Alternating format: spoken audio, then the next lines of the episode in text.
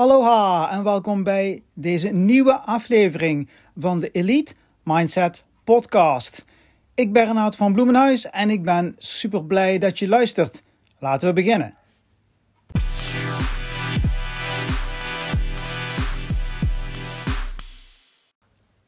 Hallo, hartstikke leuk dat je luistert. Um, ja, in deze nieuwe podcast uh, gaan we het hebben over ademhaling. Um, ja, er is net een, een, nieuwe training in de Elite Mindset Academy geplaatst, de EMA, um, over ademhaling. En wat ik in de EMA heb gedaan, ik ga de ademhaling opdelen in drie verschillende stukken. Uh, en ik heb ervoor gekozen om het uh, in te delen in uh, niveaus. Dus je hebt ademhaling niveau 1, dat is de eerste training. Dan heb je ademhaling niveau 2 en uiteraard ademhaling niveau 3.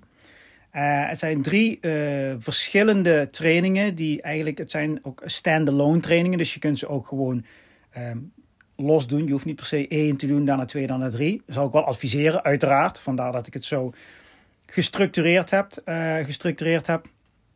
Maar het zijn in principe drie verschillende, echt verschillende trainingen in de manier waarop ze zijn opgebouwd en, en hoe het trainingsprogramma eruit ziet. Want ja, elke training in de EMA is natuurlijk niet alleen maar uh, theorie, maar is, uh, alles in de EMA is action-based. Dus we moeten echt iets doen. Als je niks doet, dan gebeurt er ook nooit iets. En dat is een feitelijk iets. Um, ja, als je geïnteresseerd bent in die trainingen en alle andere trainingen die uh, in de EMA staan, ga naar elitemindsetacademy.nl. Maar laten we beginnen met de podcast, ademhaling. Um, ja, ademhaling, het is, het, het is zo zo, zo gewoon eigenlijk. Hè? Als ik wel eens praat over ademhaling en hoe belangrijk dat is, kijken mensen me soms heel raar aan. Zo van, ja, maar ademen doen we toch allemaal? Iedereen kan toch ademen? Uh, iedereen ademt, ja, inderdaad, iedereen ademt. Uh, en daarom is het ook wel even belangrijk om bij stil te staan. Want zonder ademhaling ja, kun je niet leven. Het is eigenlijk de basis van, van ons bestaan. Hè? De basis van, van het leven eigenlijk. Hè? Uh, als mens moet je ademen, anders dan uh, houdt het snel op.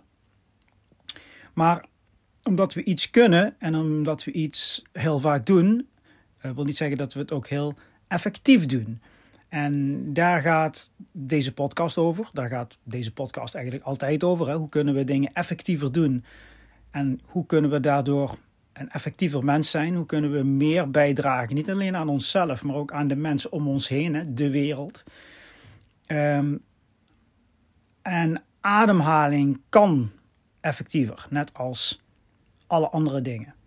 Um, in deze podcast wil ik uh, eigenlijk ook in drieën delen. Ik wil eerst vertellen wat ademhaling überhaupt is. Hè. Staan we daar überhaupt ooit bij stil? Wat is ademhaling? Um, dat is één. En twee is uh, hoe kunnen we ademhaling gebruiken om effectiever te worden uh, als mens. Uh, fysieke prestaties, mentale prestaties. En de derde is het praktische gedeelte. En dat is leuk, daar, daarom is deze podcast een klein beetje anders dan de andere podcast. En dan ga ik drie oefeningen, drie ademhalingsoefeningen uitleggen, die we dan ook daadwerkelijk kunnen doen. Um, dus dan breng ik het hele action-based learning vanuit de EMA in de podcast. Ik hoop dat jullie er zin in hebben. Oké, nou, ademhaling. Wat is het nou eigenlijk? Hoe werkt het precies? Nou, iedereen ademt. Logisch. Maar wat gebeurt er nou eigenlijk als je ademt? op het moment dat ik nu aan het praten ben, of je zit naar deze podcast te luisteren thuis op de bank, of misschien ben je aan het autorijden, als je aan het autorijden bent, let op de weg. Of misschien doe je iets anders waarbij je deze podcast aan het beluisteren bent, podcast aan het beluisteren bent in rust. Dan heb je eigenlijk niet eens door dat je ademt. En dat is supergoed, super fijn. Omdat het zo belangrijk is, is ademhaling compleet onbewust. Loopt op de automatische piloot. Het zit ingebakken in ons gehele systeem. En dat is goed, want als je elke keer moest gaan nadenken over ademen, dan, ja, dan werd het heel erg lastig. Had je denk niet veel tijd meer op een dag om andere dingen te doen. En wat gebeurt er nou daadwerkelijk? Je ademt lucht in. En van die lucht is de belangrijkste component zuurstof.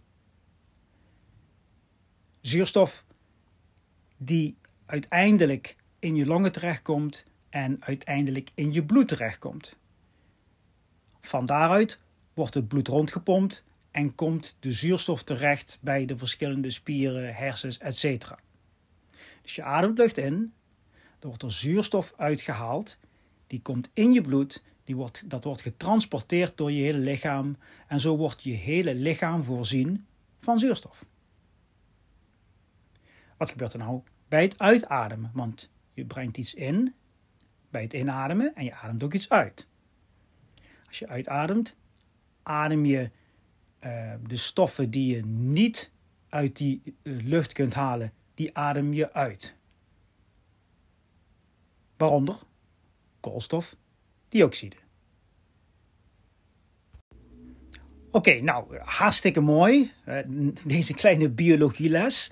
Um, nou, de volgende vraag is: uh, hoe komt die lucht nou in onze longen terecht? Hè? Dus uh, stroomt die of waait die zomaar naar binnen? Nee, natuurlijk niet. Daarvoor moeten wij daadwerkelijk werken.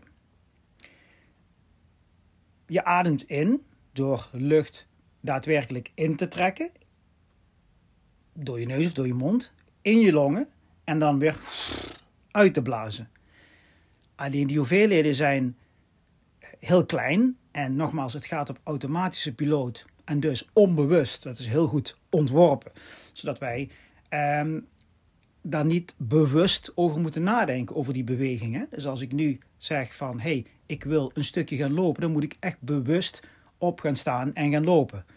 Goed, of het lopen aan zich, dus het stappen, zetten, nog bewust is, dat is weer een ander, een ander verhaal, een andere discussie.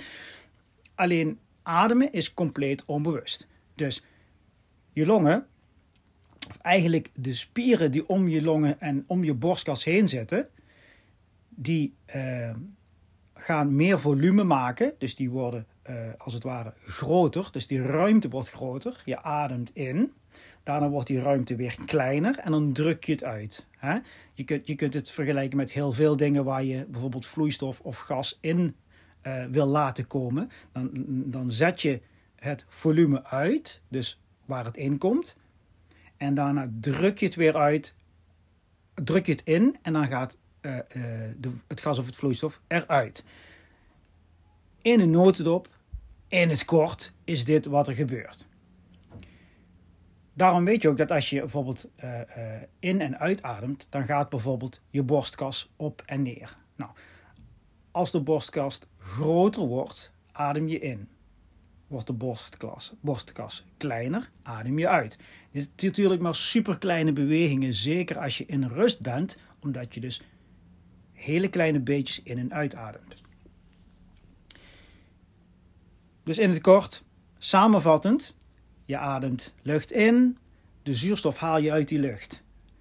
Uh, en die uh, transporteer je via het bloed naar het hele lichaam. Je ademt onder andere koolstofdioxide uit, omdat je daar niks aan hebt. Inademen doe je door, de, uh, door het volume, hè, dus de, de, de, inhoud van jouw longen te vergroten.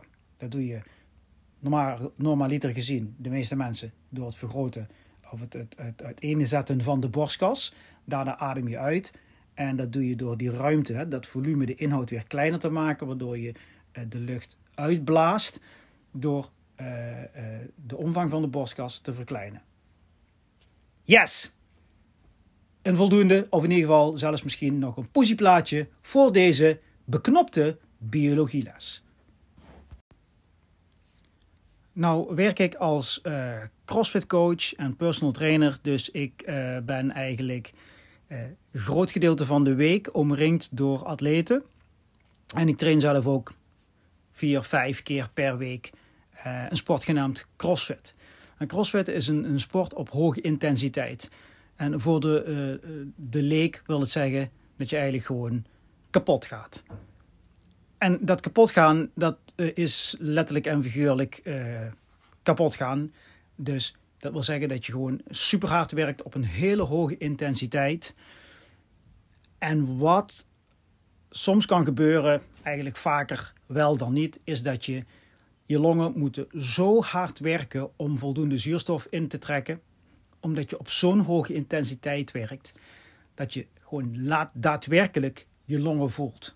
Je kunt dan ook daadwerkelijk spierpijn krijgen aan ehm, wat je voelt op je rug soms, of zelfs op je borst, omdat je, je uh, de, dat uh, proces wat we net hebben beschreven, van het uh, groter en kleiner worden van die borstkas, om die ademhaling zo snel en zo intensief te laten werken, omdat je zoveel zuurstof verbruikt tijdens zo'n CrossFit workout, kun je dat, daar daadwerkelijk spierpijn in krijgen en ook daadwerkelijk echt pijn hebben aan je longen, omdat die zo hard moeten werken. Nou, iedereen die CrossFit doet op een beetje een niveau, die weet precies wat ik bedoel.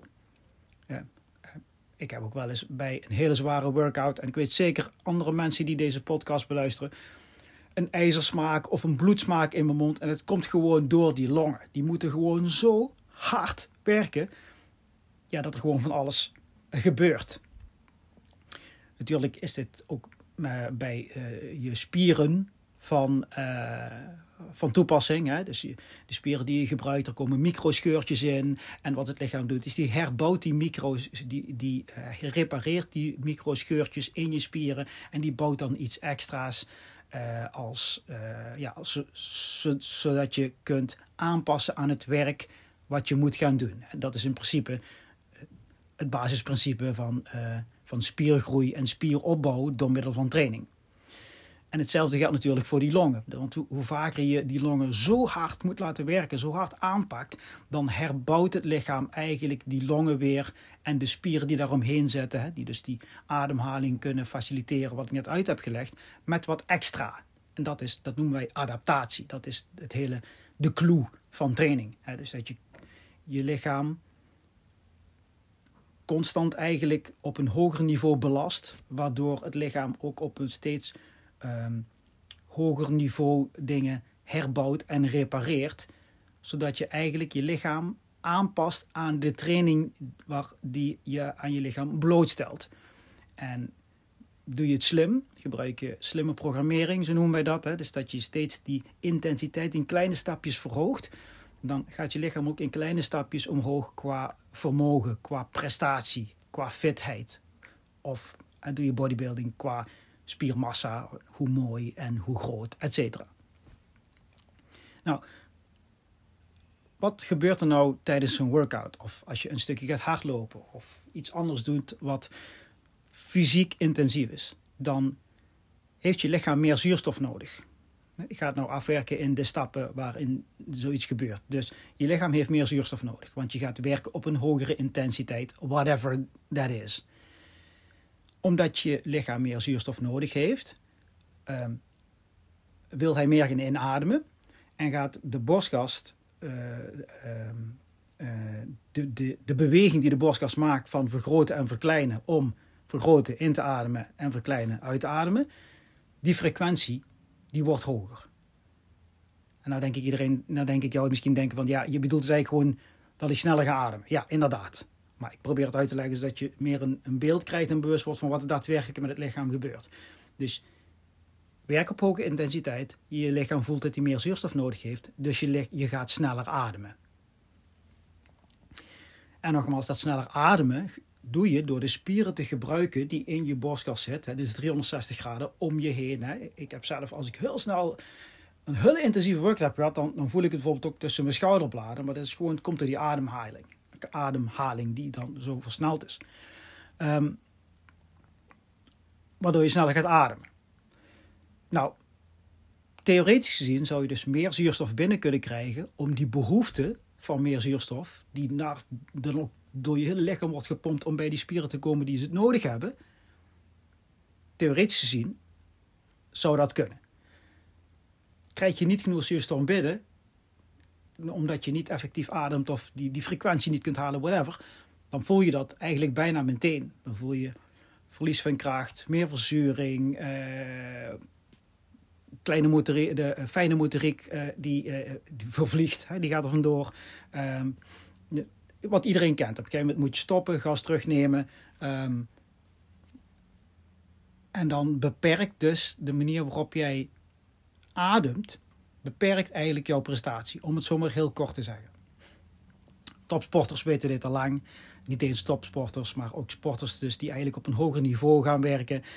En die begrijpen heel duidelijk dat die ademhaling, dat is het probleem. Ik hoor letterlijk en figuurlijk 10, 20, 30 keer per week van mijn atleten van ja, ik kan nog wel meer tillen of ik kan nog wel meer pull-ups of meer weet ik maar ik heb gewoon geen zuurstof genoeg.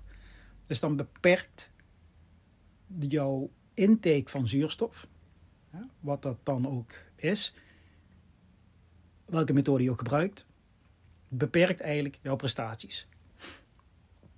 Zullen we het kort even, dus wat er dus gebeurt als je op hogere intensiteit gaat werken.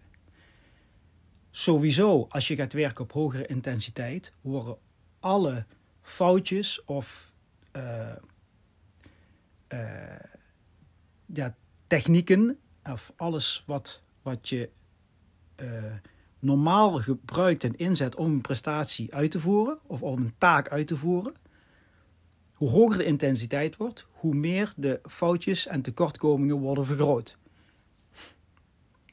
Een voorbeeld daarvan is die ademhaling. Dus als, als ik op een laag tempo ga hardlopen, is er niks aan de hand. Kan ik nog gewoon praten met iemand die met mij meeloopt. Gaan we sneller lopen, gaan we het tempo verhogen, oh, dan wordt dat wel lastiger. Dan wordt het wel moeilijker om te praten, want ik heb al ik heb mijn zuurstof, ik heb de, de, mijn zuurstof nodig om überhaupt op dat tempo te blijven lopen. Gaan we nog hoger tempo of gaan we zelfs sprinten, dan is er van praten geen enkele sprake meer. Want je, je, bent, je bent gewoon constant bezig om genoeg zuurstof binnen te krijgen om dat tempo vast te houden. Is er nou bijvoorbeeld mijn looptechniek niet goed genoeg, mijn ademhaling niet goed genoeg, dan kun je dat niet zien op het eerste niveau waarbij we nog gewoon lekker aan het kletsen zijn. Maar op het laatste niveau 100% zeker. Daarmee bedoel ik dus eigenlijk dat als je intensiteit verhoogt, dan komen alle uh, foutjes, schuine streep, tekortkomingen, uh, schuine streep, dingen die beter kunnen, komen dan tevoorschijn. Die worden vergroot. Dus natuurlijk niet alleen met training uh, of fysiek iets, maar dat is eigenlijk met alles. Met in, in, in, in je carrière, in de zakenwereld, maar ook in relaties of hoe jij denkt en je gedraagt. Dus heel in het kort, we hebben gehad over ademhaling. Wat is het? Hè? Biologielesje. En we hebben nou gezien dat je ademhaling een belangrijk onderdeel is van hoe jij presteert op niet alleen op fysiek vlak, maar op allerlei vlakken.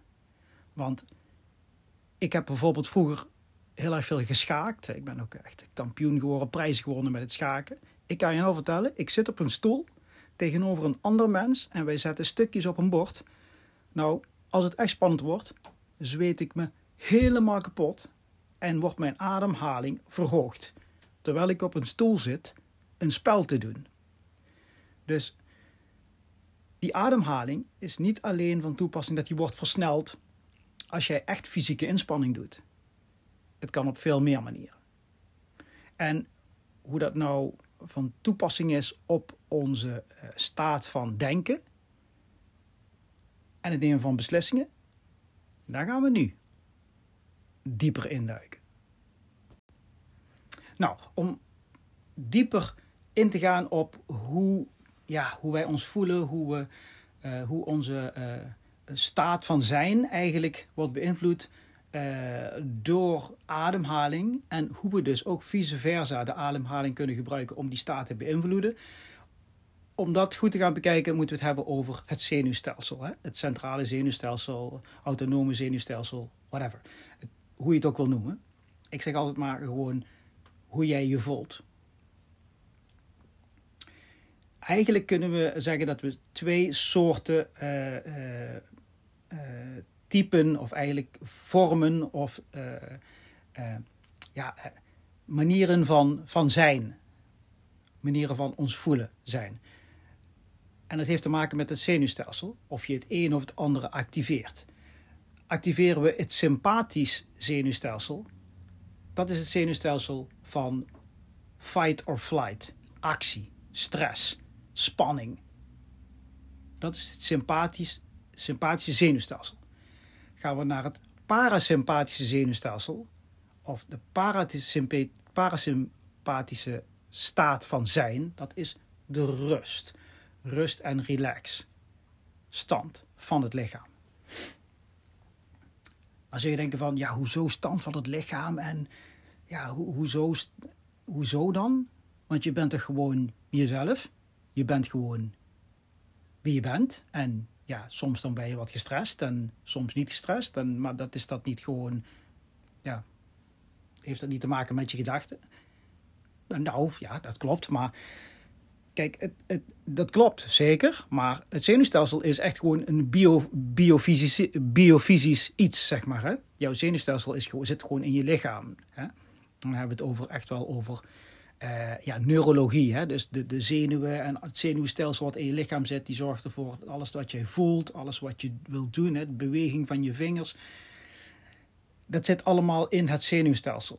Die reguleert en voelt eigenlijk alles. En die zorgt er eigenlijk voor dat jij leeft, doet, loopt, denkt, alles. Dingen ziet, dingen hoort, dat zit in dat zenuwstelsel. En het zenuwstelsel, dat kan dus in twee standen staan. Sympathetisch en parasympathisch en parasympathisch. Ja, ik heb moeite met die woorden omdat ik heb alles in het Engels geleerd. Hè? Dus ik ken het uh, sympathetic en het parasympathetic nervous system. Vandaar dat ik nu en dan over mijn woorden struikel, omdat ik nu in Nederlands moet gaan vertalen. Nou, het sympathische gedeelte kennen wij maar al te goed. Stress, haasten, onrust, weerstand, actie, dat zit in ons hoofd. Dat zit vaak in ons hoofd, zo moet ik het zeggen.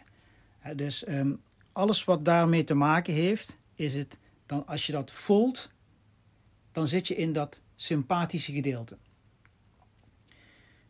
Het probleem met het sympathische gedeelte is dat veel mensen te vaak in dat sympathische gedeelte zitten.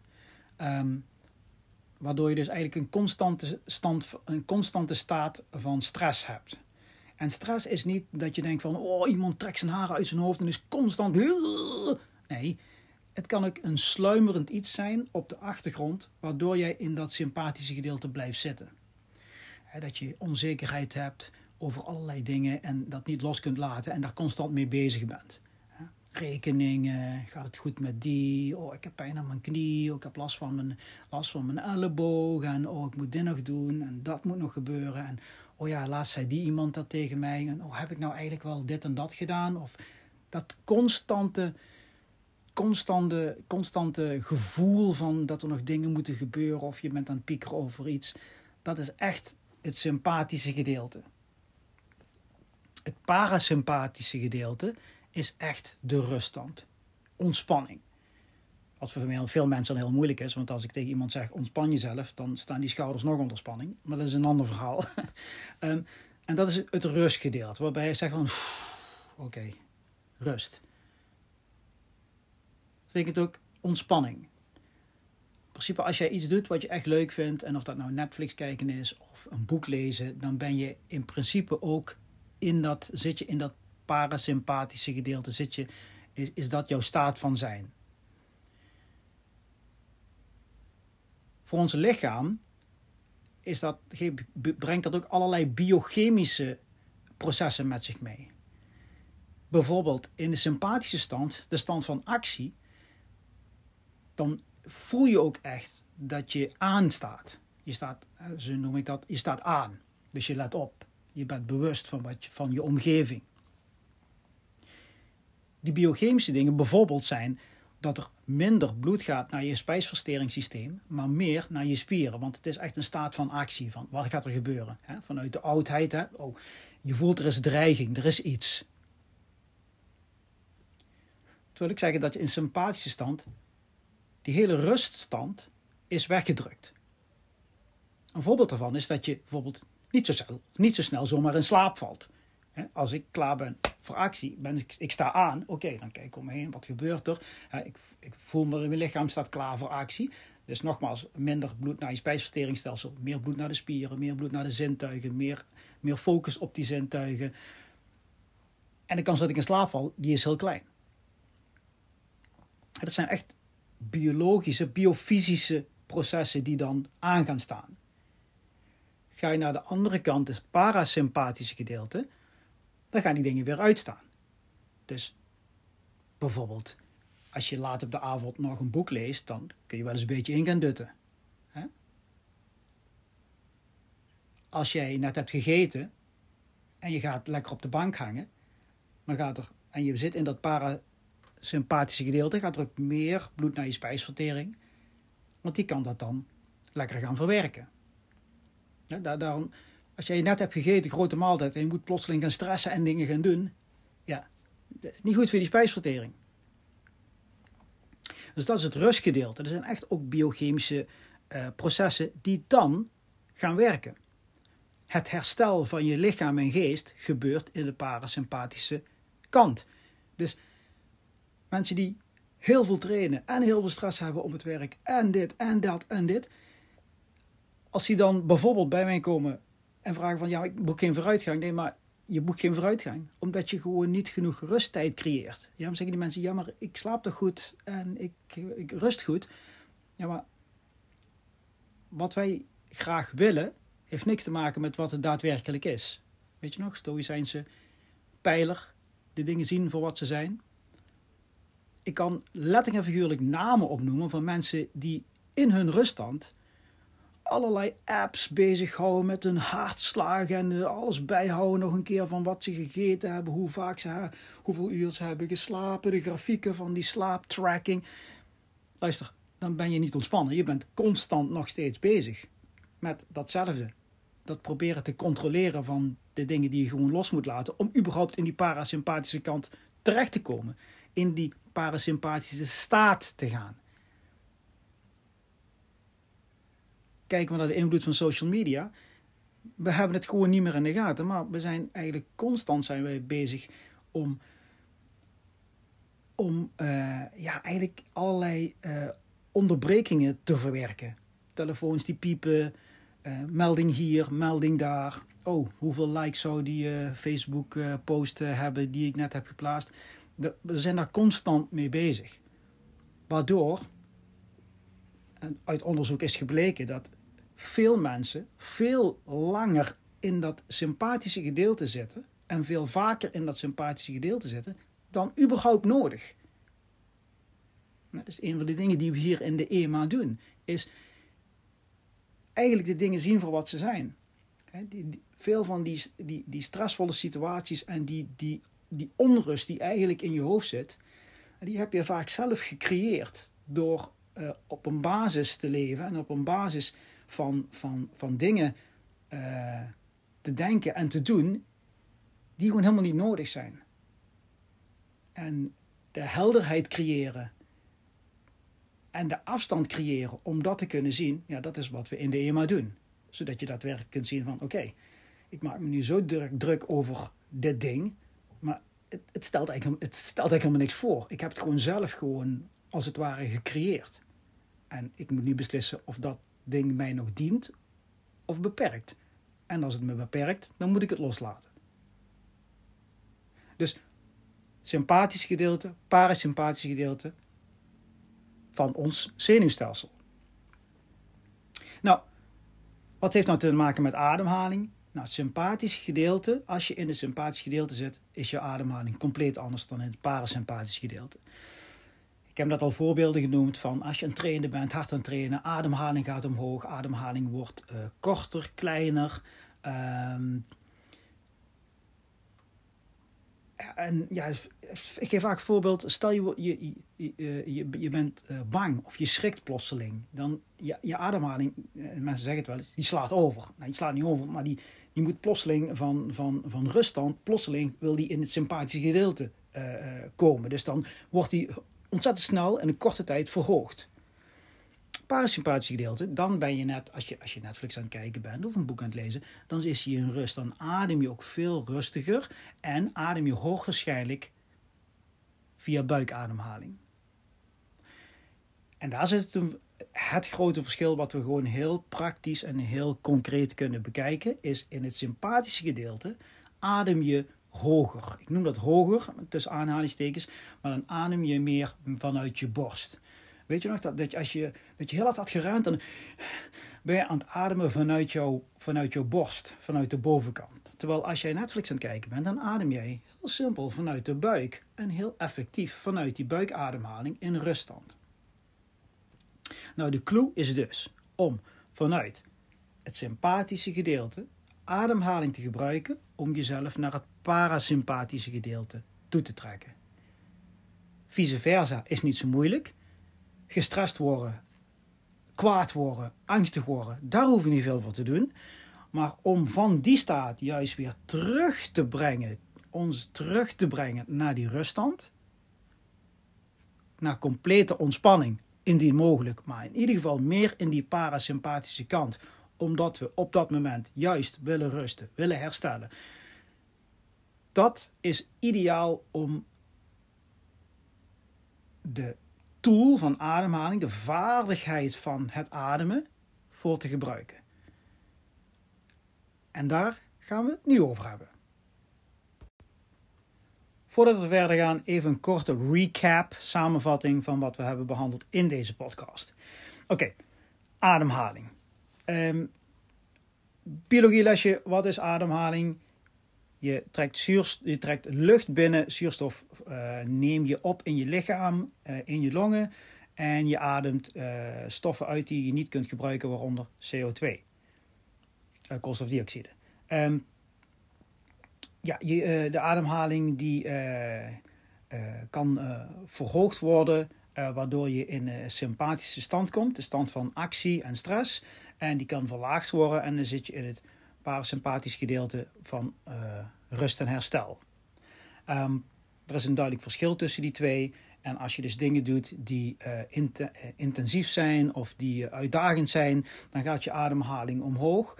En als was je in een ruststand, in het parasympathisch gedeelte, dan ga je naar het sympathisch gedeelte en zie je het gewoon als een soort knopje wat je omzet, waardoor het lichaam waardoor het niet alleen lijkt dat je uh, harder moet gaan werken, uh, fysiek gezien en mentaal gezien, maar dat is ook daadwerkelijk dat er biochemische processen op gang worden gezet die je dus in die staat zetten.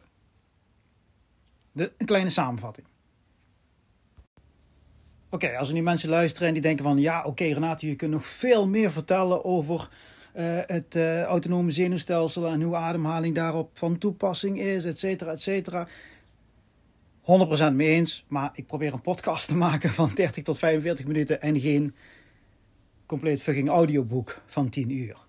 Um, dus ik kom even terug naar de essentie van hoe wij ademhaling kunnen gebruiken en toepassen om vooral van de sympathische, de sympathische staat, sorry, naar de parasympathische staat te gaan. Dus vanuit een stressvolle ehm, eh, staat van zijn ons rustiger te maken ehm, en naar die uh, parasympathische kant te gaan. Dat knopje eigenlijk over te zetten van de ene naar de andere. Oké, nou. Ehm, dat kan omdat je de ademhaling eigenlijk op twee manieren kunt inzetten in, in dit hele verhaal. Nou, de eerste is dus, wat ik net eens zei, om vanuit een, een stressvolle staat of een, een, een, een, een angstige of uh, uh, een staat waarbij je dus uh, een verhoogde hartslag hebt, verhoogde ademhaling en eigenlijk dus of gewoon allerlei dingen in je hoofd hebt waardoor je in een soort onruststaat bent. Dan zit je in die sympathische staat. En die wil je dus naar die parasympathische staat gaan, naar die rust eh, naar het, eh, een rustige eh, staat van zijn. In andere woorden, op simpel Nederlands, je bent gestrest of je bent onrustig en je wil graag lekker naar de rust toe, naar rust en herstel. Dat is één. Daar kun je ademhaling voor gebruiken. Daar gaan we dadelijk over hebben hoe dat dan gaat. En de tweede, die misschien wel net zo belangrijk en waardevol kan zijn, is dat je ademhaling kunt gebruiken om te detecteren in welke staat je bent, in welke staat je zit. En als je er al goed in bent, kun je daadwerkelijk ook de overgangen voelen van die sympathische naar parasympathische staat en vice versa. Um, meneer Brian McKenzie, ehm, oorspronkelijk ken ik die vanuit het CrossFit. En daar, die heeft daar eh, allerlei uh, hele mooie trainingsprogramma's en een compleet bedrijf mee opgericht. Waarbij hij dus die ademhaling gebruikt in verschillende stappen. Uh, hij noemt ze dan gears, zoals je bij een, een auto gears hebt, dus versnellingen. waarbij je echt daadwerkelijk kunt merken wanneer je van gear 1 naar 2 schakelt, naar van 2 naar 3. En dat kun je dus doen door de ademhaling als een soort, ja, een soort metertje dat kun je gewoon merken, kun je gewoon gebruiken. Waarbij je gewoon echt ziet van, hé, hey, ik schakel nou van z'n twee naar z'n drie. En wat heeft dat dan voor gevolgen voor mij? Hè? Die heb je dan al vaststaan. Waardoor je dus kunt zien van, hé, hey, waar zit ik? Van twee of een drie. Oké, ik zit hier in die workout. Oké, nou dan ga ik van nu van drie naar vier. Bijvoorbeeld. Dus dat is een hele mooie sensor om te kunnen uh, detecteren, registreren in welke ja, versnelling, als het ware, als je het systeem van Brian McKenzie gebruikt, je zit. En je hoeft natuurlijk niet zijn systeem te gebruiken, maar je kunt wel degelijk ehm, voelen aan je ademhaling en de frequentie en, en, et cetera, waar je zit in die, uh, in die staat, in welke staat je zit. En wat je kunt doen om te zorgen dat je in of uit die staat gaat of verbetert of what, whatever. Dus je kunt het gebruiken als een soort sensor. Ademhaling. Dus je kunt het daadwerkelijk gebruiken om van de ene staat naar de andere te gaan. Of, en, en of. Hè, dus dat is de eerste uh, manier waarop je ademhaling kunt gebruiken. Praktisch gezien. Hè, de tweede manier is om het te gebruiken als een soort sensor, sensor om te detecteren waar je zit in staat van intensiteit of aan welke kant, sympathisch of parasympathisch. Oké, om je een, een, een, simpel praktisch voorbeeld te geven van, die, uh, van het gebruiken van ademhaling als een soort sensor, um, ga ik een, een, gedeelte of een beknopte versie gebruiken van Brian McKenzie's Gear System. Oké, even voor alle duidelijkheid, hè, ik, als ik zo'n podcast maak, net zoals deze, wil ik niet ik kan niet jou precies instrueren wat je moet doen kan je wel inspireren om hier meer over te gaan uh, nazoeken en je daarin te verdiepen, mits je het interessant vindt. Vind je dit interessant, dan kun je opzoeken Brian McKenzie, um, uh, ademhaling of breathing, dan kom je er vanzelf bij. Volgens mij is zijn bedrijf PSE.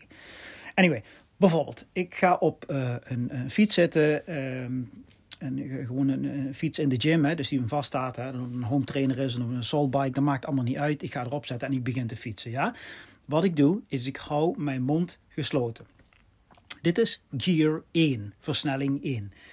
En ik ben lekker aan het fietsen en ik kijk rond, mijn mond is dicht. Ja? Nou ga ik na bijvoorbeeld twee minuten de intensiteit verhogen ik kijk op het scherm van mijn fiets, dan kan ik zien het aantal rotaties per minuut of whatever, hè, whatever hij aangeeft en ik ga dat verhogen. Ik neem nu hypothetische uh, percentages, etc. Ik ga die met uh, eh, 15% verhogen. Ja? Dat betekent dus dat ik sneller moet fietsen. En na twee minuten voel ik, probeer ik te voelen of mijn mond open moet. Dan zul je denken, hoezo Renato, wat bedoel je nou met je mond open moet? Nou, als ik in gear 1 zit, kan ik ademen door mijn neus. Ja? Oké, ik ben twee minuten bezig. En ik weet, als ik naar gear 2 ga, dan moet ik echt goed mijn best doen om die zuurstof nog steeds door mijn neus binnen te halen. Dan moet ik echt wel me goed concentreren. En dan ga ik ook vanzelf voelen dat mijn lichaam eigenlijk tegen mij zegt: doe je mond open.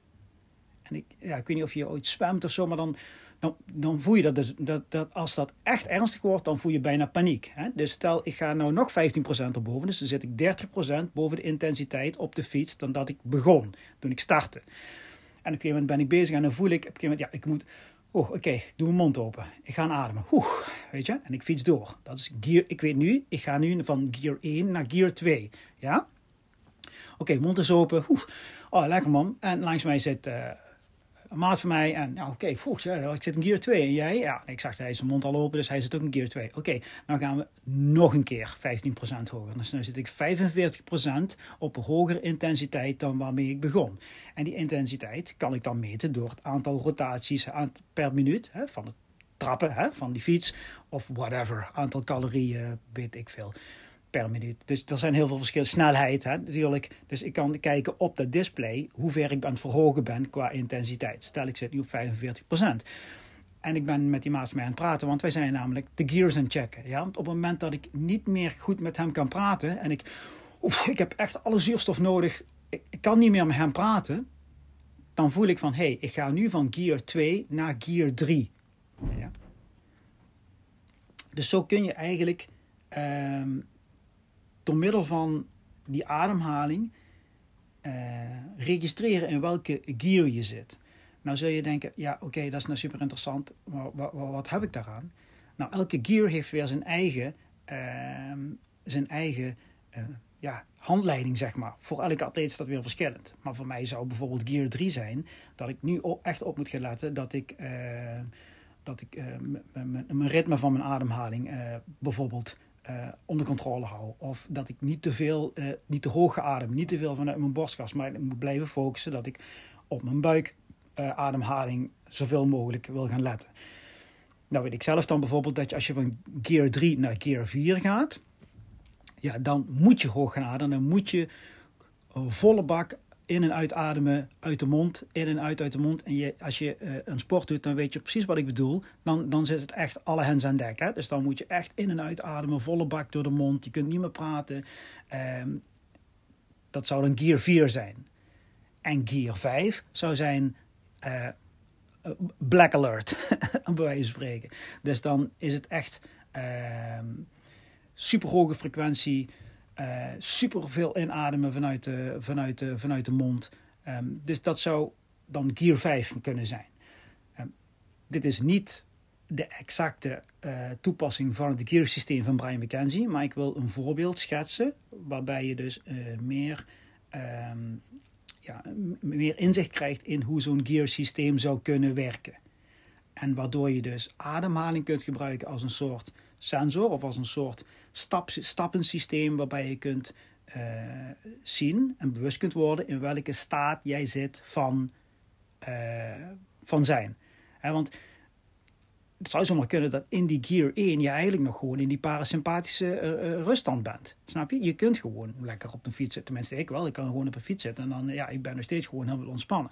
Maar op een gegeven moment kun jij voor jezelf weten, en dat is dus nogmaals voor iedereen verschillend, dat jij in gear 2 al naar die, dan, dan, dan klik jij naar die sympathische kant. Waarbij je dus die actiestand inkomt. Met alles wat daarbij komt kijken.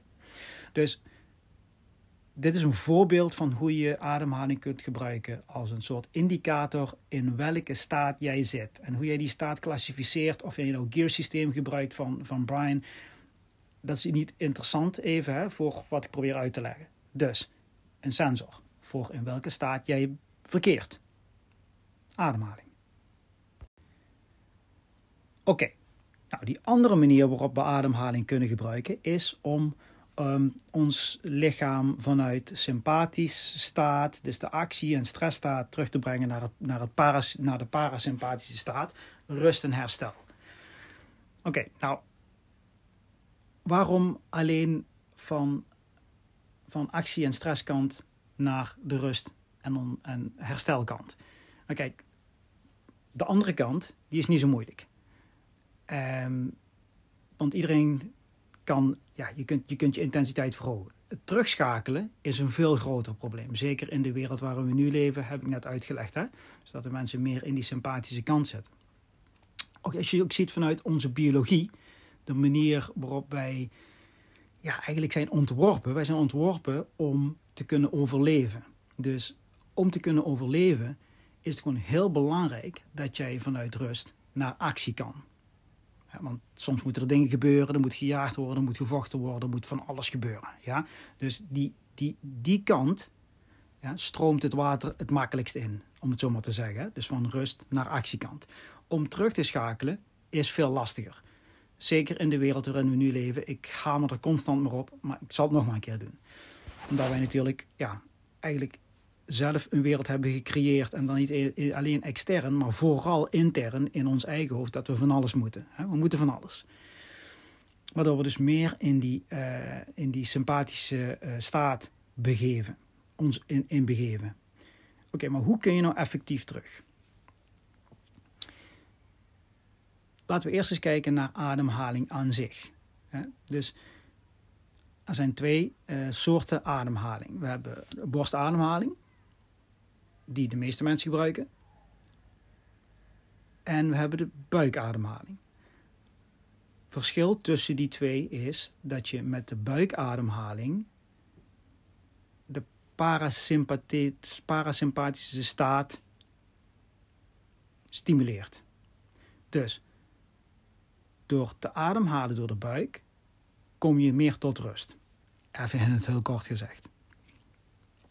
Op het moment dat jij gestrest wordt of moet gaan werken in hoge intensiteit, schakelt je lichaam automatisch over naar die borstademhaling. En die staat dan ook daadwerkelijk meer in relatie tot die uh, sympathische staat, die actie- en stressstaat. Dus willen we graag terug vanuit die sympathische staat naar de parasympathische staat, dan gebruiken we de buikademhaling. De clue hier is om buikademhaling zo te trainen, die vaardigheid zo te verscherpen en zo te verbeteren, dat dat onze standaard basisvorm van ademen is. En dat we dus als we overschakelen naar die borstademhaling, we heel erg goed bewust zijn dat we nu in die andere staat terechtkomen. En dat we ook dan, als we weer terug willen schakelen vanuit die sympathische staat, we weer terug kunnen gaan naar datgene wat nu onze nieuwe standaard ademhaling is. Snap wat ik bedoel? Dus als jij van jouw buikademhaling jouw standaard ademhalingstechniek maakt, gewoon default, dus gewoon dit is het, dit is de standaard, dan kun je veel makkelijker terugschakelen vanuit een actie- en stressstand naar die rust- en herstelstand. Nou, wat is nou precies het verschil? Want je zult denken, ja, ik adem nou, voor, ik weet niet, adem nou, nou door mijn borst of door mijn, door mijn, door mijn buik. Dus eigenlijk is het heel simpel. Als jij stilstaat en jij ademt diep in en je voelt dat je schouders omhoog gaan of je voelt dat die lucht in jouw borst terechtkomt, dan ben je bezig met een borstademhaling. En laten we eerlijk zijn, bijna iedereen die ik ken, en ik ken wel wel wat mensen, die ademen allemaal door de borstademhaling. En ja, onderzoek wijst uit, eigenlijk iedereen doet dat. Tenzij jij echt heel specifiek je focust op het leren van die buikademhaling, zul je dat ook niet zomaar ja, leren, zeg maar. Dus dan blijf jij gewoon in die hoge stand, eh, in die hoge ademhaling, in die borstademhaling zitten. Dus de clue is nu, nu om vaker die buikademhalingstechniek te oefenen. Als je dus door je buik ademhaalt en je ademt diep in, ga ik nu doen,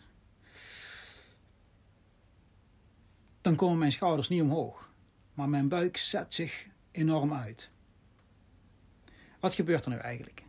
Wat is nu eigenlijk het daadwerkelijke biologische, biologische verschil tussen een borstademhaling en een buikademhaling? Als ik met mijn borst adem, dan wil ik dus mijn borstkas vergroten. Daarom heb ik net in, tijdens deze hele podcast ook die borstademhaling gebruikt als voorbeeld, omdat ja, de meeste mensen dat zo doen. En ik wil diep ademen, dan als ik door de borst ademhaal, dat ga ik nou proberen, want dat is voor mij altijd een beetje lastig, omdat ik dat niet meer mijn standaard manier is van ademen.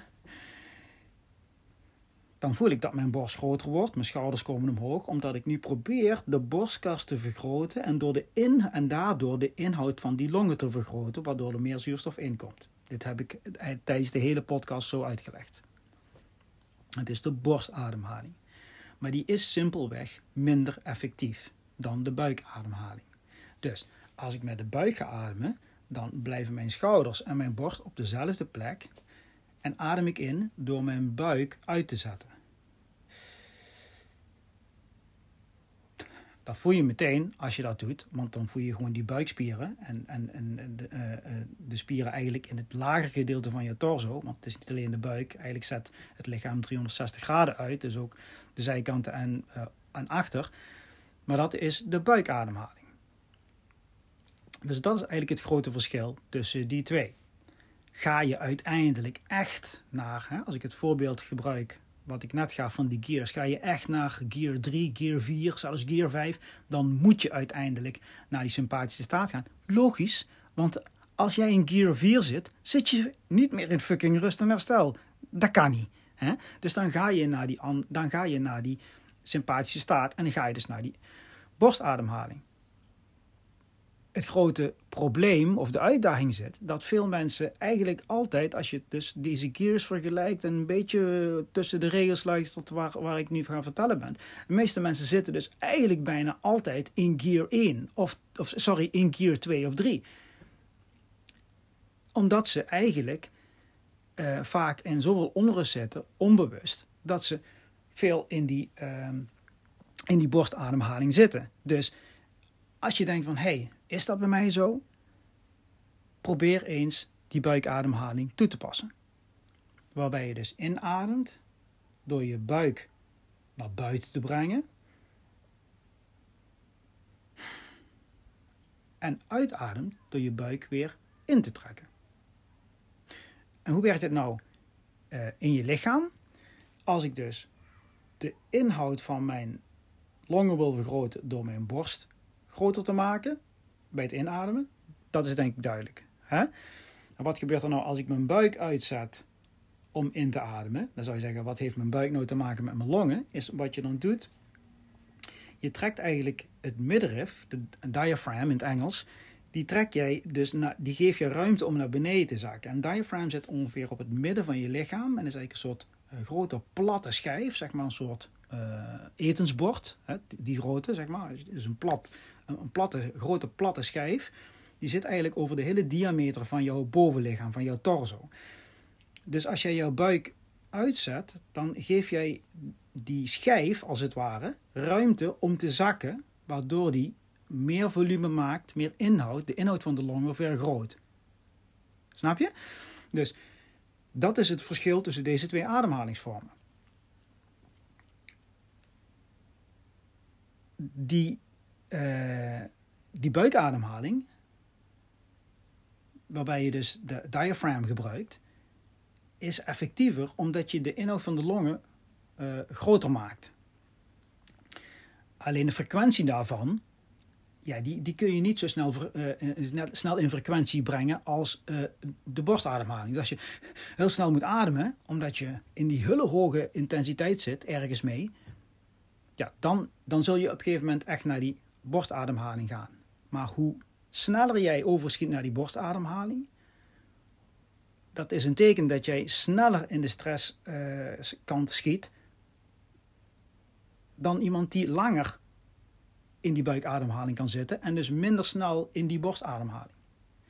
En dat alleen al, dat, dat hele principe van het feit dat jij langer de buikademhaling kunt gebruiken, omdat het jouw, jouw default eh, techniek is, dus jouw standaard techniek is, dus jouw basistechniek die je altijd gebruikt, omdat je hem zo vaak hebt geoefend. Dat is een beetje de clue van de buikademhaling. Daarom in yoga leer jij ademen door de buik. En is dat een heel belangrijk onderdeel daarvan. Topsporters, die weten gewoon, hey, die buikademhaling, dat is waar ik, wat ik wil. En dat is waar ik op train. En er zijn een aantal manieren voor. Maar de belangrijkste en simpelste manier is om gewoon als je zit, proberen om dieper te ademhalen en daarvoor je buik te gebruiken. Dus nogmaals, je ademt in, ga even zitten. Rij je in de auto, let op de weg. Kun je dus nog steeds doen, maar let wel op de weg. Ga zitten en adem in, maar dan adem je in door je buik groter te maken. Adem uit. En laten we nou meteen goed doen. Mond dicht. Dus doe je mond dicht. Ga zitten en adem in. door je buik te vergroten. En uit. Doe nog een keer. That's it. Buikademhaling. Oké, dus wat hebben we nou gedaan in deze podcast? We hebben het gehad over ademhaling, wat het is, hoe je het doet, verschil tussen uh, sympathisch en parasympathisch zenuwstelsel, staat van zijn, uh, hoe je ademhaling kunt gebruiken als een sensor. Uh, we hebben het gehad over het uh, gearsysteem van Brian McKenzie en we hebben erover gehad dat buikademhaling anders is dan borstademhaling um, en dat je buikademhaling dus kunt inzetten om vanuit die sympathische staat, dus die actie- en stressstaat, naar de parasympathische staat te gaan van rust en herstel. Maar, heel belangrijk, denk ik, ik wil het heel duidelijk nadrukken, benadrukken. Als jij nou denkt van ja Renato, ik heb nog nooit van die buikademhaling gehoord, dan volgens mij ben je gewoon volle shit, want er is helemaal niks mis met mij. Luister, er is nooit iets mis met jou. Laten we graag even 100% duidelijk over zijn. En je ademt ook niet verkeerd.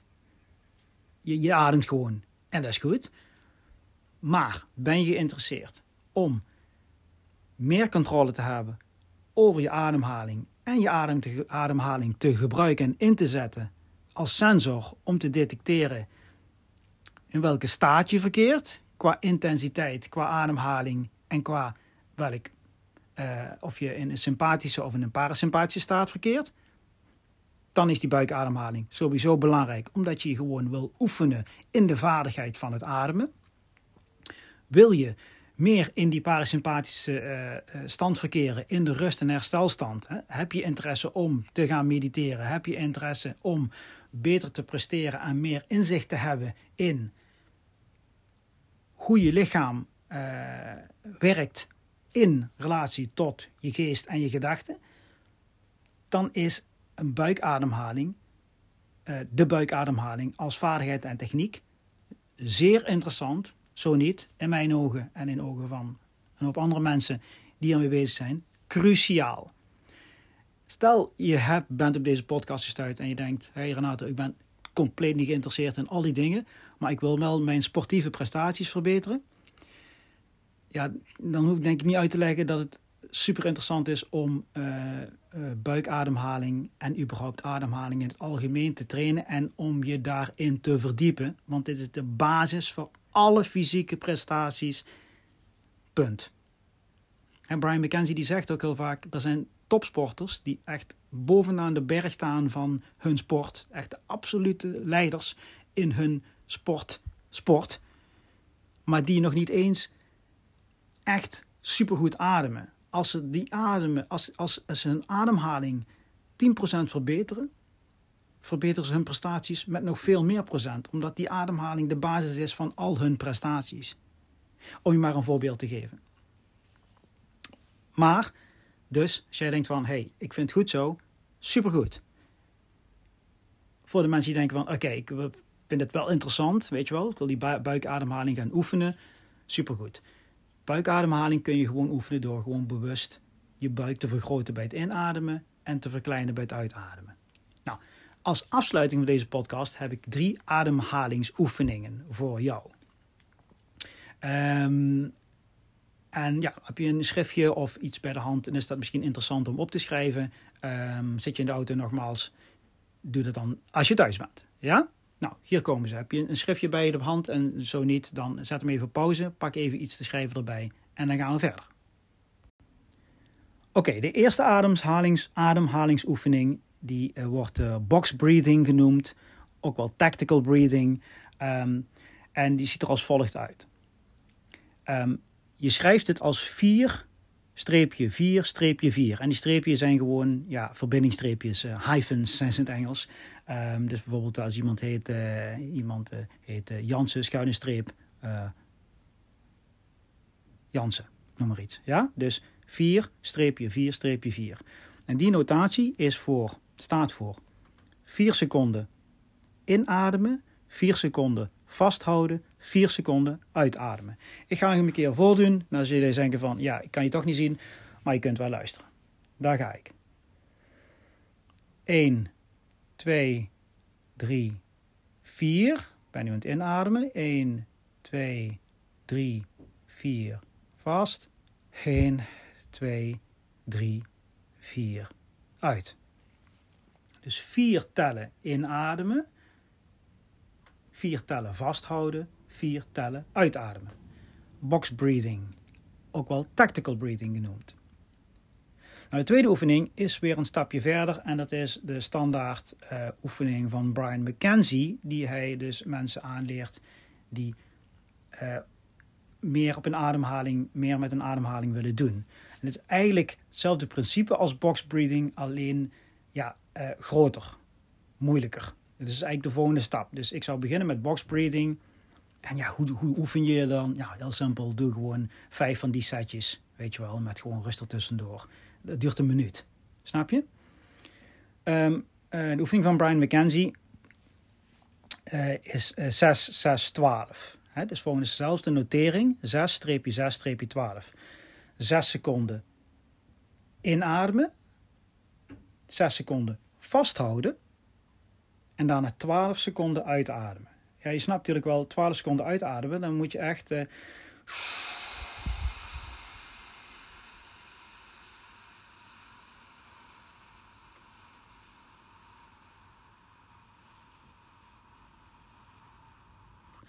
dat was volgens mij zelfs maar 10 seconden, geen 12, maar je snapt wat ik bedoel. En ik blies nou ook door mijn mond, maar dat zou ik normaal altijd door mijn neus doen.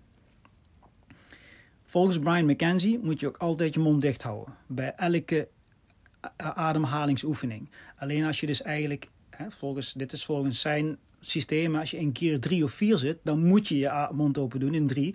En in vier moet je echt volle bak in- en uitademen door je mond. In drie doe je zelfs nog inademen door de neus, uitademen door de mond. En in keer vier, alle hens aan dek, in- en uitademen door de mond, volle bak. Oké? Maar dit is nogmaals het systeem van Brian McKenzie. Ben je hier geïnteresseerd in? Kijk daar gewoon in. Uh, zoek dat op, et cetera, verdiep je daarin.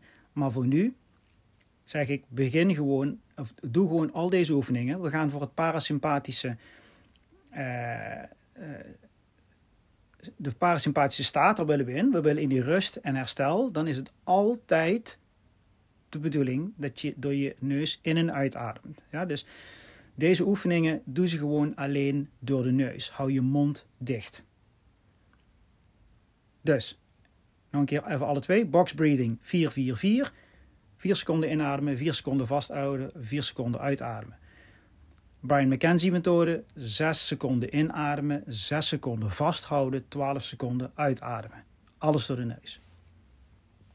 Nou, dan hebben we nog de Headspace uh, ademhalingsoefening. Die heb ik ook uh, laatst nog in de EMA gezet. En het interessante van die is, is dat dat is een, dat is een continuous loop. Um, wat bedoel ik dan meer? Die eerste twee ademhalingsoefeningen, dat is, een, dat is geen loop. Dat is een, ja, dat kun je gebroken loop noemen. Een loop is, een, is zeg maar iets wat constant zichzelf, een soort cirkeltje zeg maar, wat constant doorgaat. En, en een gebroken loop is zeg maar gewoon, ik start en ik eindig. Oké, leuk. Ik start, ik eindig. Stop. Oké, leuk. En een continuous loop, ik start, eindig, start, eindig, start, eindig, start, eindig. Dus die is, is iets complexer en iets uitdagender. En de Headspace uh, ademhalingsoefening, dus de derde oefening, is 3, streepje 3, streepje 3, streepje 3. En je ziet nu dus al, hé, hey, er zijn vier cijfertjes. Dus bijvoorbeeld bij boxbreathing is het 4 in, 4 vast, 4 uit. In de Headspace manier is het 4 uh, in, oh sorry, 3, 3, 3, 3. Hè? Dus 3 in, 3 vast drie uit, drie vast. En dan begeven we vooraan, drie in, drie vast. Drie uit, drie vast. Dus ook na het uitademen heb je dus drie seconden vast. Dus dat bedoel ik met een continuous loop. Het gaat gewoon constant door. Dus als je daar vijf herhalingen van doet, dan zit er dus geen rust tussen. Hè? doe ik box breathing, doe ik vier in, vier vast, vier uit. En dan heb ik even rust. Nou, dan start ik weer opnieuw op. Vier in, vier vast, vier uit. Bij headspace breathing of de headspace ademhalingsoefeningen. Dat is geen eh, specifieke methode. Um, maar bij, bij de headspace, ademhalingsoefening heb je dus drie in, drie vast, drie uit, drie vast. En daarna meteen weer drie in, drie vast, drie uit, drie vast. En weer meteen terug naar het begin. Drie in, drie vast, drie uit, drie vast, et cetera. Die is uh, iets uitdagender, omdat je dus, je hebt geen rustmoment. Je bent constant ben je bezig met, um, met, met, met die ademhaling. Um, en zo breng je dus eigenlijk die ademhaling breng je dus van het onbewuste naar het bewuste door het echt daadwerkelijk te oefenen in deze constructies. Ja, eigenlijk in het kort is dat uh, de, de drie oefeningen die ik jullie wil aanbieden hier, ehm, de drie ademhalingsoefeningen. Om af te sluiten deze ademhalingsoefeningen, een paar tips. Ga zitten, waarbij je je voeten op de, op, de, op de vloer kunt houden. En je zit zelf op een stoel of op een bankstal, weet ik veel wat, of op een box. Um, en dan doe je die drie oefeningen. Um, uiteraard gebruik je buikademhaling. Dus dat wil zeggen, mijn buik wordt groter als ik inadem en wordt kleiner als ik uitadem. Dat wil dus zeggen dat als ik inadem en ik hou hem vast, is mijn buik uh, groot, om het zo maar te zeggen. Als je snapt wat ik bedoel. En als je niet snapt wat ik bedoel, moet je gewoon een van die oefeningen gaan doen. En de laatste tip is, eh, als je, voordat je zo'n oefening gaat doen, zorg eerst dat je relaxed bent. Zorg, probeer, probeer ervoor te zorgen dat je gewoon ontspannen bent. Ja? Um, ja, ik zou zeggen, ga ermee aan de slag als je dit interessant vindt. Drie oefeningen, box breathing, de Brian McKenzie methode en de Headspace ademhalingsoefening. Um, heb je nog vragen over deze podcast? Uh, laat me weten, stuur me een bericht op Instagram. Um, en ja, wil je nou meer weten en deze trainingen echt uit gaan voeren, dus echt met trainingsprogramma's, alles erop en eraan, video's, elitemindsetacademy.nl. Hartelijk dank voor het luisteren. Um, en uh, ja, ik ben super dankbaar dat je überhaupt zover bent gekomen en deze podcast helemaal hebt afgeluisterd. En uh, ik zou zeggen, super fijne dag. En tot de volgende keer hier bij de Elite Mindset Podcast.